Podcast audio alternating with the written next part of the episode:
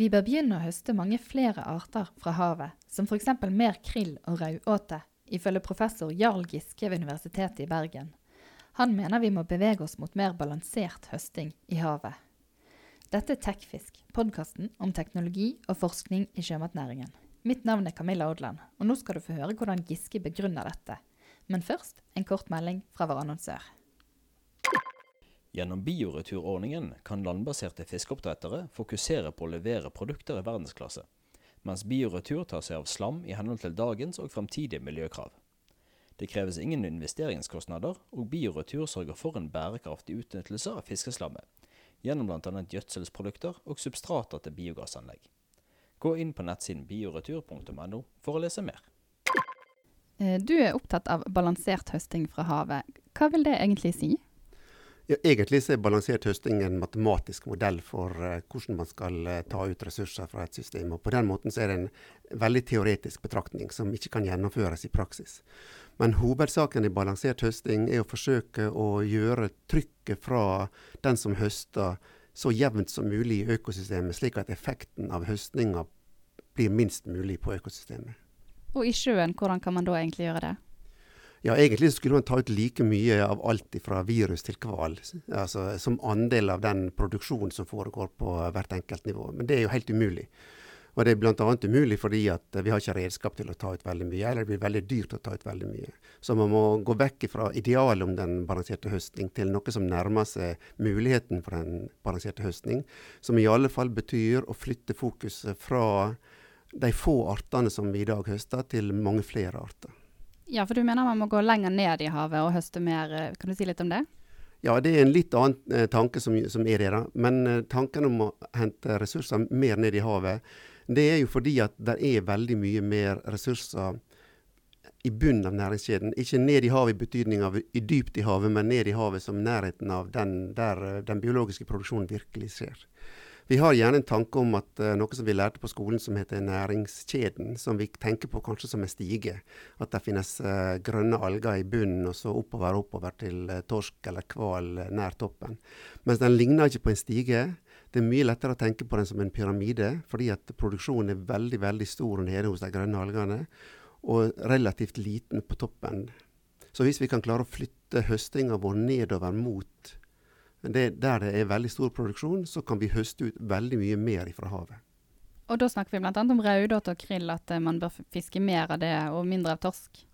Ja, man bør fiske mer av raudåte og krill, og man bør lære seg å dyrke ting som man ikke dyrker noe særlig i dag. Altså blåskjell f.eks., eller andre sånne uh, organismer som er fastsittende. Tunikata, som vi har hatt en god del uh, fokus på her i Bergen er altså da ressurser som befinner seg veldig nær eh, planteplanktonproduksjon, og som kan gi eh, store muligheter for å hente mye mat ut fra havet. Ja, for I en kommentar på Tekfisk så har du skrevet at man kan velge mellom å ta ut 100 tonn raudåte eller 1 tonn torsk. Eh, hvordan henger det sammen? Ja, Det henger sammen med den pyramiden. At, at, for hvert trinn vi går opp i den pyramiden, så er det en sånn enkel regnestykke om at uh, 90% av maten som blir spist på ett nivå, går med på å opprettholde livet på det nivået og bare 10 fører til eh, vekst på det nivået. Slik at eh, det blir ikke så veldig mye vekst av at, at en raudåte spiser eh, masse planteplankton. Det skal mye til. Og hvis du skal så gjennom raudåte til en liten mesopelagisk fisk, og til en kolmule og til en torsk, så har du tapt ikke bare 1 til 10 til 100, men 1 til 10 til 100 til 1000. Men dette å hente mye mer raudåte, er det realistisk? Har vi teknologien som skal til? Ja, altså Det er ikke sikkert at vi har teknologien til å hente så veldig mye eh, sånn som det er i dag. Og Det er mange slags teknologier som skal til. Jo, du, skal ha en, en fangstteknologi.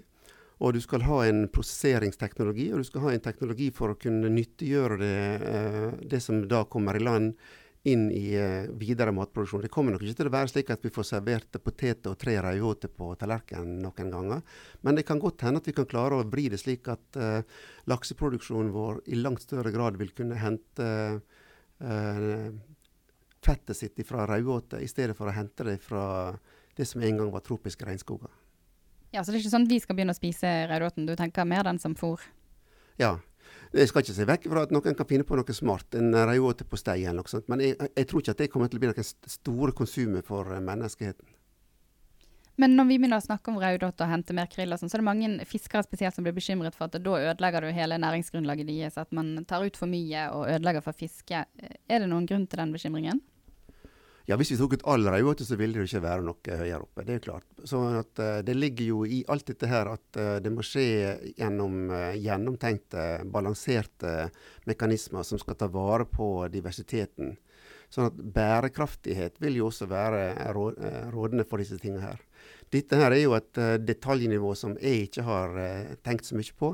Men det er jo helt klart at Fiskeridirektoratet må jo være den som skal passe på hvordan man skal fordele interessene, ikke bare ut fra et økologisk perspektiv, men også ut fra et økonomisk perspektiv, og ta hensyn til mange forskjellige slags befolkningsgrupper i landet. Men hvor langt unna er vi balansert høsting nå? Og vi er veldig veldig langt unna balansert høsting. Vi, det er bare noe som snakkes om. Men vi har begynt å ta ut uh, eh, røyvåte. Og det tas ut, uh, og, og det tas ut uh, raudåte spesielt fra et firma som heter Kalanus i Bodø. Og der er det nok fortsatt slik at de kvotene som er gitt til raudåtefangsten, er svært små i forhold til de kvotene som tas ut høyere oppe. Mens det så klart teoretisk sett skulle vært omvendt, at kvotene skulle vært mye større på å ta ut uh, enn torsk.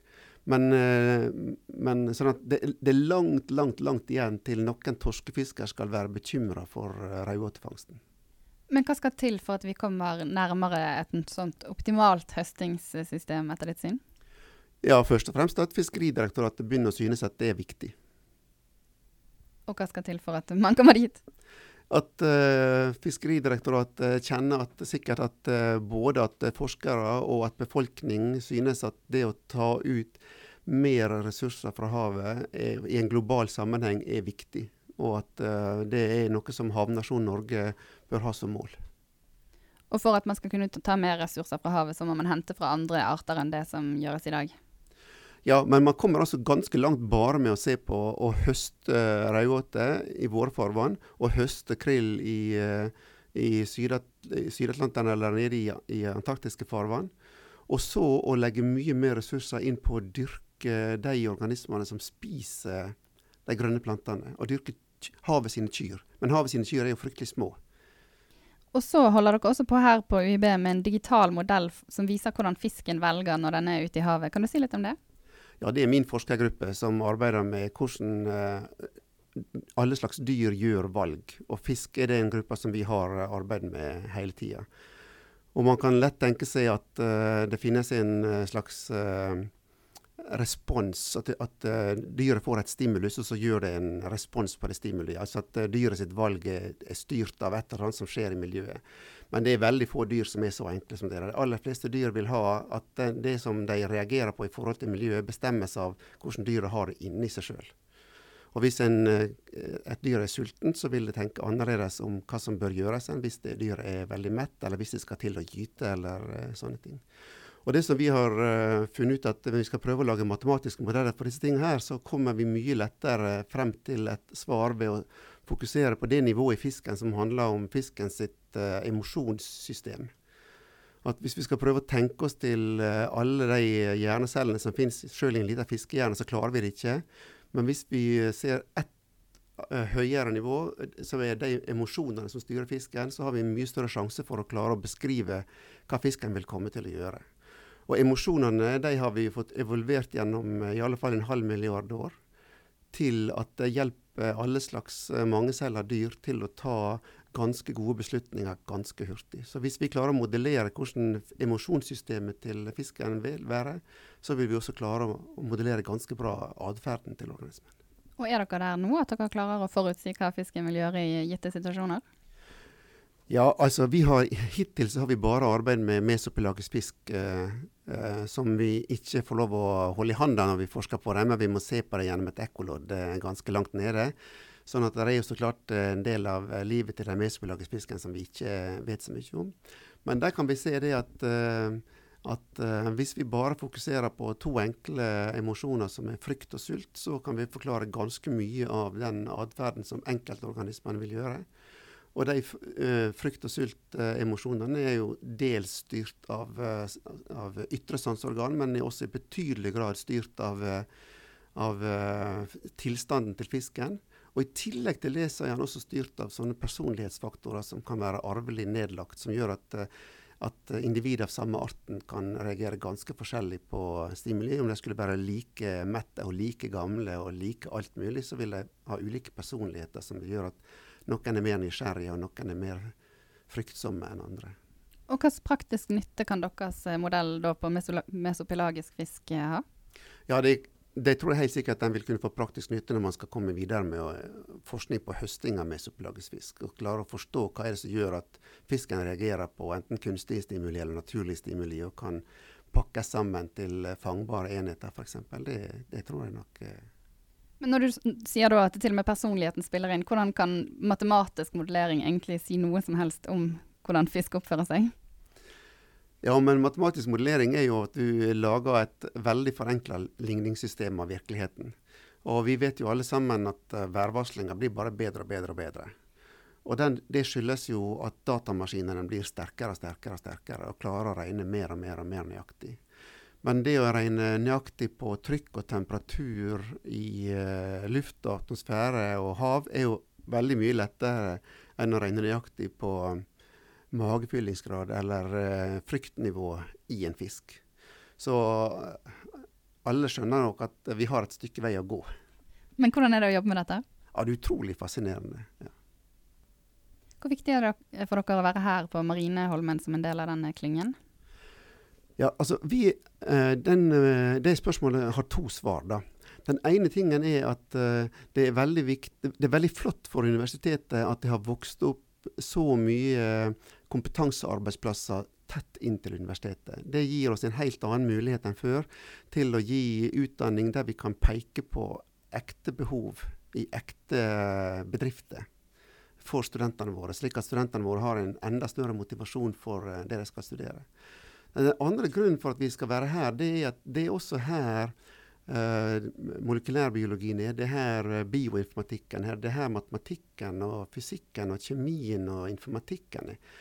Sånn at uh, Det er jo det som gjør at uh, fagene våre kommer framover. Sånn som jeg f.eks. som forsker på modell, matematisk modellering av, uh, av liv i havet, har en veldig fordel av å være nær de som virkelig kan matematikk, og de som kan uh, databehandling, og de som kan de andre fagene som marinbiologer egentlig ikke kan så mye om.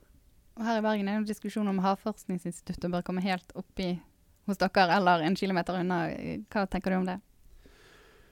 For noen år siden så sa havforskningsdirektøren eh, Tore Nepstad den gangen at eh, det viktigste for han var at eh, samlokaliseringa kom slik at han brukte en modell med de foldede hender. At det var røde og blå kontor annenhver bortover korridoren. Da først ville man kunne klare å bryte ned eh, avstandene. For det skal veldig lite til før avstandene faktisk er et hinder. Og så klart, Hvis havforskninga blir liggende én kilometer ifra oss i stedet for tre kilometer fra oss, så er jo det en stor forbedring. Men det er en fantastisk tapt mulighet. Det er en hundreårsmulighet til å komme nær hverandre. Og Jeg kan bruke et eksempel. fordi at I 1914 så hadde det som da var Bergen museum, mast på det som den gangen het Fiskeristyrelsen, som nå er havforskninga, om at de burde komme til Marinholmen, for der lå det en biologisk stasjon. Og Den masinga hadde gått i mange år. og Til slutt så bestemte Fiskeristyrelsen seg for at de skulle flytte til uh, Marineholmen. Og Innen to måneder etterpå hadde, hadde, Bergen museum bestemt seg for å flytte biologene sine til, Espe, til uh, Herdla, som altså da er tre mil fra byen. og Den gangen var ikke det bro eller noe, så det var virkelig en annen planet. Så i 1914 gjorde det som da var forløperen til universitetet, en 100-årsbeslutning som vi ikke fikk gjort godt igjen. Og nå har vi en ny sjanse. Da lar jeg det være siste ord. Takk skal du ha.